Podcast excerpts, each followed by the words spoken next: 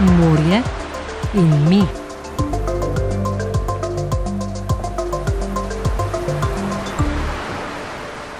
Posamezni leščuri se pojavljajo vzdolž celotne slovenske obale, odrasli leščuri, ki so še živi. Prve smo opazili v nekoliko večjem številu že letos, v prvih mesecih leta, ampak uh, smo mislili, da gre mogoče samo za nek ostanek, ki še ni bil uh, toliko prizadet, kajti uh, parazit, ko pade temperatura, mora po 14 stopinj se nekako umiri in uh, se ne razložuje več toliko, da bi lahko povzročal preveliko škodo na leščurjih. Vendar so leščuri preživeli tudi toplejši del leta, nadaljuje dr. Borut Maurič iz Morske biološke postaje Nipu Piranu. Tekom letošnjega leta smo ugotovili, da, ta, da so te leščuri v okolici Izole še vedno živi. Eh, in v zadnjih mesecih eh, smo našli ali pa dobili od eh, drugih ljudi informacije o tem, da se posamezni leščuri kot že rečeno, pojavljajo praktično vzdolž celotne slovenske obale, od debelega rtiča do Pirana. A to ni edini razlog za sicer izmerni optimizem morskih biologov. V našem morju in na širšem območju severnega Jadrana so namreč naleteli tudi na posamezne večje primerke leščurjev. Recimo v Slovenskem morju smo zabeležili tri primerke na globini med enim metrom in štirimi metri. Eh, recimo na območju Umaga do Savudrije je nekaj primerkov najdenih na večjih globinah. Najdemo pa tudi zelo majhne primerke, kar pomeni, da so se leščurji še lani in tudi letos razmnoževali. To se pravi, nekje so dovolj velika populacija, da se še vedno lahko razmnožuje. Glede na to, kako hitro je parazit lani uničil populacijo leščurjev v Državskem zalivu, je to pravzaprav presenetljivo. Gre za parazite, ki je sicer uh, Ta skupina je znana, da povzroča bolezni pri školkah in rakih in povzroča tudi množične pomore. Ampak pri vseh dosedaj znanih primerjih je bila ta smrtnost mogoče največ 60%. To še pravi, še zmeraj je bilo 40% populacije, ki se je bila zmožna razmnoževati in potem v bistvu nekako povrniti uh, to vrsto v ugodno stanje. Pri lešurju pa je bilo to praktično 100% ne? in to v celotnem sredozemskem morju. V bistvu praktično ni populacije, ki ne bi bila vsaj prizadeta, praktično večina pa je popolnoma izginila. Ne. In s tem je svoje domovanje izgubilo tudi veliko drugih morskih organizmov. Leščur, ki zraste do 60 cm, je namreč zelo pomemben biogradnik. Dr. Lawrence Lipe iz Morske biološke postaje ni poudarja, da to največjo sredozemsko školko raziskujejo in redno spremljajo že vsaj desetletje. Imamo podatke o gostoti leščurjev, torej v preteklosti in danes. Imamo podatke o pomenu leščurjev, celo za nekatere ribje združbe, za ribje skupnosti v tem okolju. Imamo podatke o obrasti leščurjev. Recimo na enem leščurju lahko živi več kot 30 različnih vrst nevretenčarjev in alg. To so zelo pomembni podatki.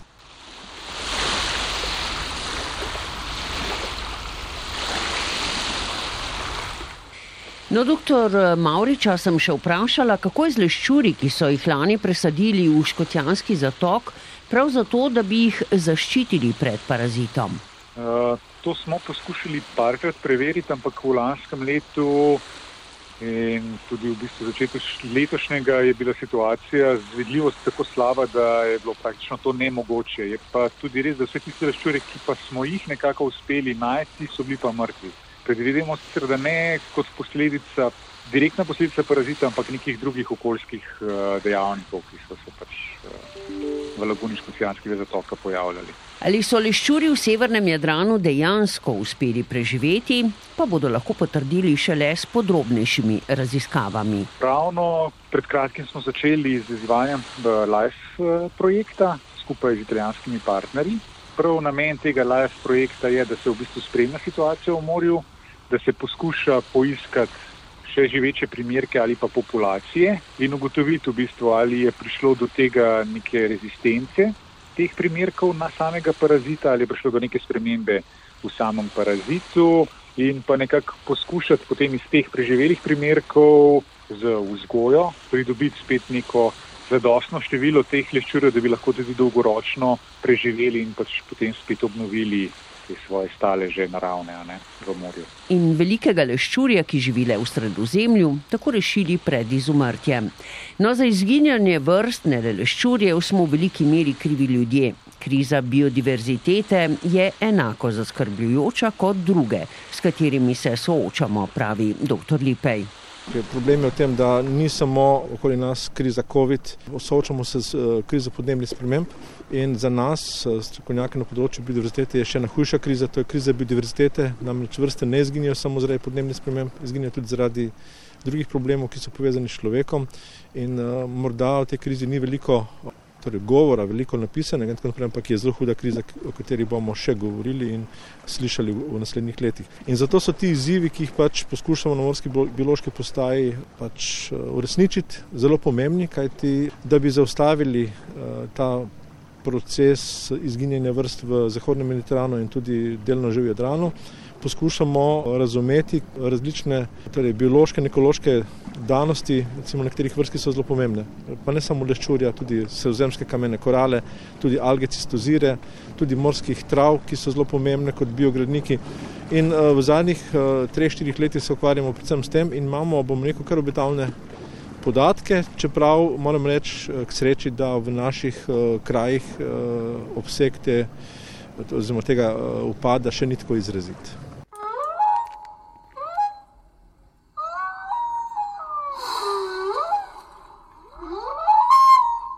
In prav naše dejavnosti so tiste, zaradi katerih sredozemlje ni več prijazen dom za številne vrste kitov in delfinov, ki so na tem območju stalno prisotne. Naravnost zaskrbljujoča je najnovejša ocena Mednarodne zveze za varstvo narave.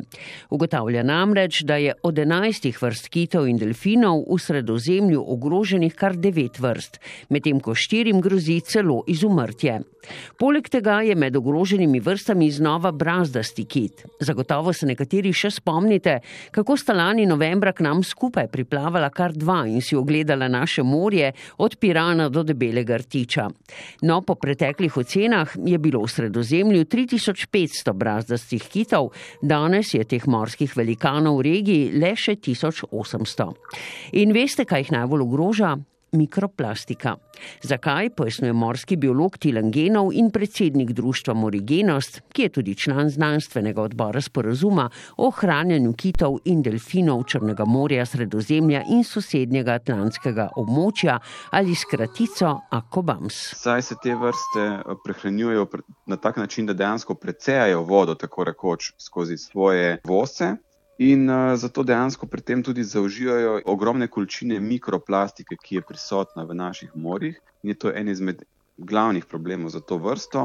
Uh, poleg trčen hitrih, oziroma naletov hitrih velikih ladij na te živali.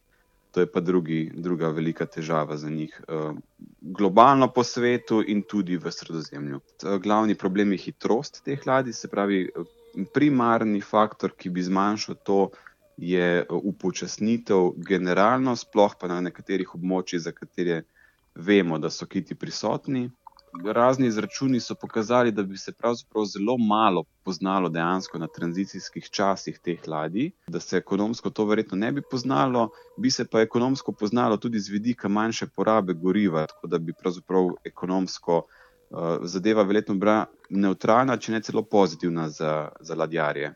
Okoljevarstveniki zato sredozemske države pozivajo naj vendarle začnejo v praksi tudi izvajati strokovna priporočila znanstvenega odbora Akobamca o varovanju morskih ekosistemov in tako zaustavijo izginjanje kitov in delfinov v regiji.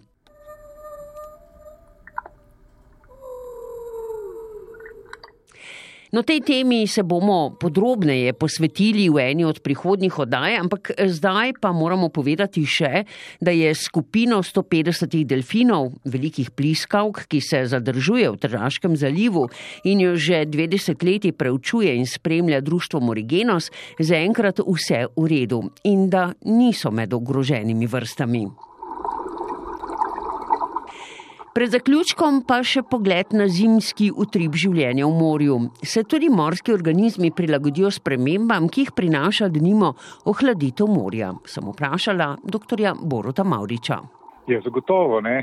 Večina organizmov v morju je pač. Uh, hladno živih, nimajo, eh, ne proizvajajo lastne telesne temperature za dostne eh, za vzdrževanje metabolizma. Ne? In ko pade temperatura v okolju, pade tudi njihova bazalna telesna temperatura in se njihov metabolizem, njihovo življenje upočasni, pride v to neko bolj mirno, dormantno uspavano zimsko stanje. Ne.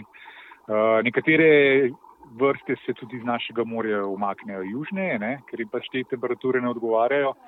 Po drugi strani pa na plano pridejo tudi določeni organizmi, ki jih pa v toplem delu leta ne vidimo. Ne. To so rečemo uh, zelo uporabni, so recimo hladnoljubne vrste, recimo borealne vrste, tako se pojavljajo določeni uh, polži za škrgari oziroma uh, goli polži, ki jih drugače ne vidimo, kakšni ožigalkari in tako naprej. No. Tako da je neka dinamika, je sprememba zagotovo velika, ene vrste izginejo, se omaknejo, grejo to dormantno spanje, druge pa spet pridejo na plan. Kaj pa morski biologi opravijo po zimi manj raziskovalnih potopov? Zmerom več in več. Včasih je bilo, recimo, kar se vzorcev tiče, precej manj, zato ker je pač so same razmere v morju težje ne, za upravljanje nalog, ali je to temperatura, več dežja, več vetra in tako naprej, ampak tudi z razvojem tehnologije, z našim razvojem, našim znanjem in tudi v bistvu željo, da, potem, da poznamo res morje v vseh njegovih obrazih, ne samo takrat, kadar je lepo, ne, ampak tudi takrat, kadar je grdo in nevarno, poskušamo zmeraj več nalog upravljati tudi v tem času, tako da um, ne moram reči, da počivamo več tako, kot smo še nekaj let nazaj. No. In še ena, recimo, ena stvar, ki je recimo, uh, tudi po zimi, predvsem v mesecu februarju in marcu, je uh, eno obdobje, ko je voda zelo čista, zelo prozorna, ne?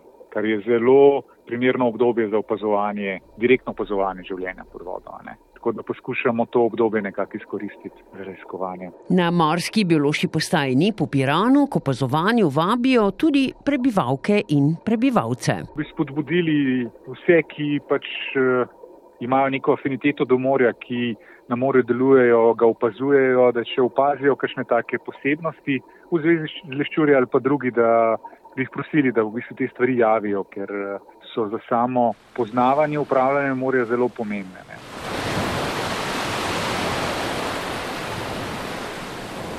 No in tu zaključujemo današnjo oddajo, ki jo najdete seveda tudi na podcastih RTV Slovenija. Vabim vas, da ostanete še naprej na naših radijskih valovih. Na odkrivanje novih morskih obzorij pa znova odjadramo čez teden dni. Morje in mi.